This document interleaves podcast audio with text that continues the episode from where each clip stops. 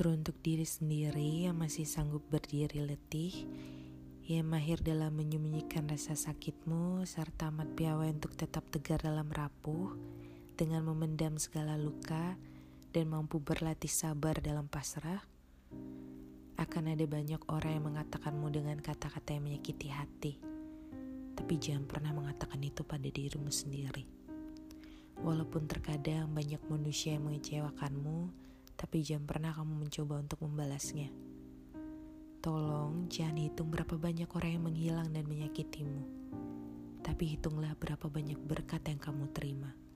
Hitunglah orang-orang yang selalu ada dan datang menyembuhkan luka.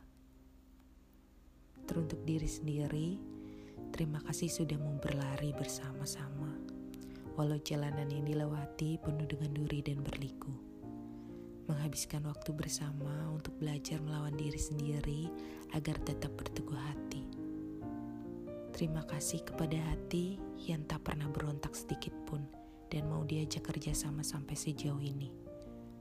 Teruntuk bibir, maafkan saya karena pernah memaksamu untuk tersenyum, menahan sakit semuanya, walau berat melakukannya.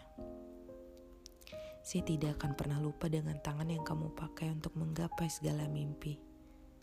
Juga kaki yang tertusuk duri namun tidak pernah berhenti melangkah mengejar keberhasilan. Semoga kebahagiaan selalu mengiringi setiap langkahmu. Balutlah segala luka dan biarkan berlalu hingga perlahan-lahan kamu bisa merasakan kebahagiaan dan tidak merasa kesakitan lagi. Teruntuk diri sendiri, kamu adalah orang yang luar biasa. Kamu satu-satunya manusia terkuat yang pernah saya banggakan. Percayalah pada setiap keputusan yang kamu ambil. Jangan pernah ragu terhadap masa depanmu. Sebab Tuhan tidak pernah ragu akan dirimu. Kelak kamu akan menemukan kemenangan. Dan percayalah, di masa depan kamu akan menyadari bahwa kamu adalah manusia yang benar-benar hebat Terima kasih sudah mau bertahan hingga detik ini dan tetap berjuang.